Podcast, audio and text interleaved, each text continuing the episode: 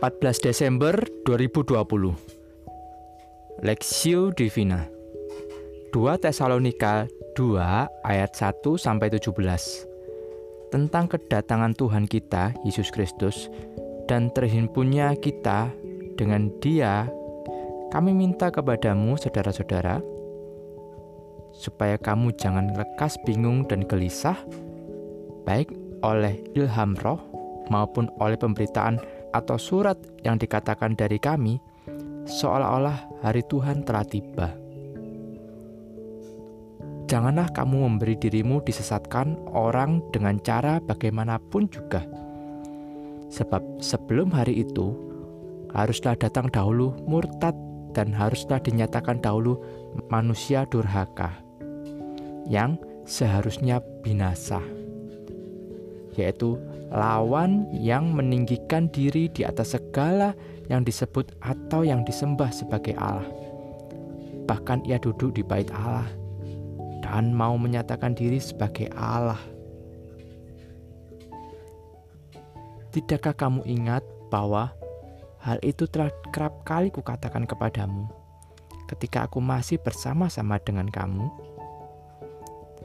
Dan sekarang kamu tahu bahwa apa yang menahan dia, sebab ia baru menyatakan diri pada waktu yang telah ditentukan baginya. Karena secara rahasia, kedurhakaan telah mulai bekerja, tetapi sekarang masih ada yang menahan. Kalau yang menahannya itu telah disingkirkan, pada waktu itulah si pendurhaka baru akan menyatakan dirinya. Tetapi Tuhan Yesus akan membunuhnya dengan nafas mulutnya dan akan memusnahkannya kalau ia datang kembali. Kedatangan si pendurhaka itu adalah pekerjaan iblis dan akan disertai rupa-rupa perbuatan ajaib, tanda-tanda, dan mujizat-mujizat palsu. Dan rupa-rupa tipu daya jahat terhadap orang-orang yang harus binasa karena mereka tidak menerima dan mengasihi kebenaran yang dapat menyelamatkan mereka. Dan itulah sebabnya Allah mendatangkan kesesatan atas mereka, yang menyebabkan mereka percaya akan dusta, supaya dihukum semua orang yang tidak percaya akan kebenaran dan yang suka kejahatan. Akan tetapi, kami harus selalu mengucap syukur kepada Allah karena kamu, saudara-saudara, yang dikasih Tuhan, sebab Allah dari mulanya telah memilih kamu untuk diselamatkan dalam roh yang menguduskan kamu dan dalam kebenaran yang kamu percayai. Untuk itulah ia telah memanggil kamu oleh Injil yang kami beritakan, sehingga kamu boleh memperoleh kemuliaan Yesus Kristus Tuhan kita. Sebab itu, berdirilah teguh dan berpeganglah pada ajaran-ajaran yang kamu terima dari kami baik secara lisan maupun secara tertulis. Dan ia, Tuhan kita Yesus Kristus, dan Allah Bapa kita yang dalam kasih karunia-Nya telah mengasihi kita dan yang telah menganugerahkan penghiburan abadi dan pengharapan baik kepada kita. Kiranya menghibur dan menguatkan hatimu dalam pekerjaan dan perkataan yang baik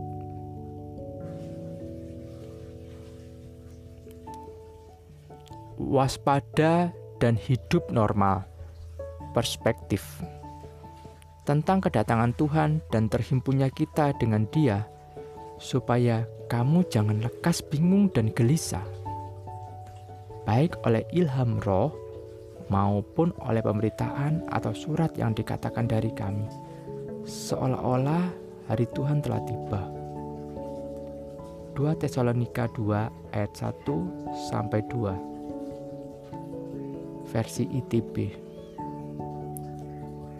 Paulus yang memiliki hutang syukur atas pertumbuhan iman dan kasih yang dimiliki oleh jemaat di Tesalonika, mengucapkan lagi rasa syukurnya karena keyakinannya atas keselamatan yang telah dimiliki oleh jemaat di Tesalonika oleh pemilihan dan panggilan Tuhan sejak semula.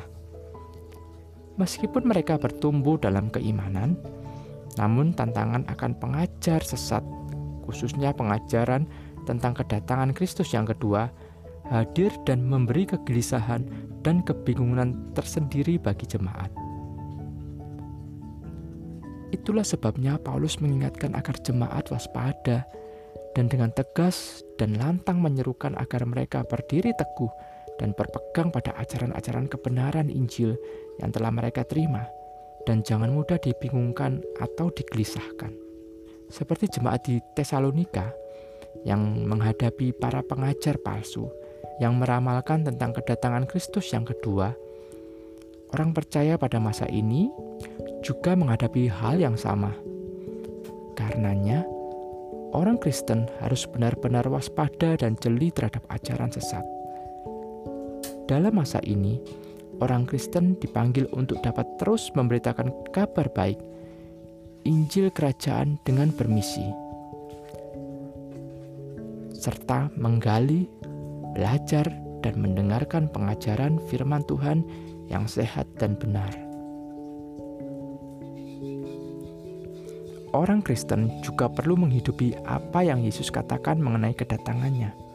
Ayat ini mengajarkan orang percaya menjalani hidup yang hanya tertuju kepada Kristus, dengan siap sedia dalam iman tanpa harus digelisahkan dengan masalah waktu kedatangannya yang kedua.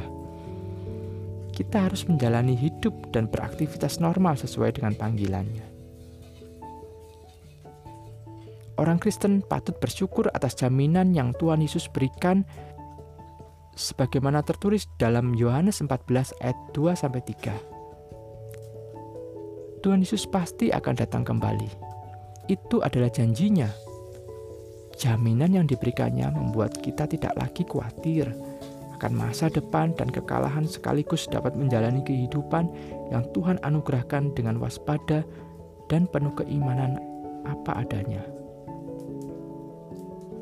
Maukah kita percaya akan janjinya?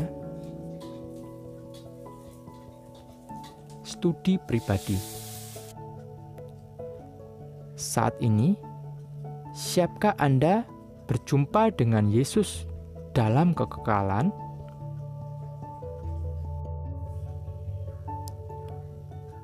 Bagaimanakah cara Anda menanti kedatangannya yang kedua?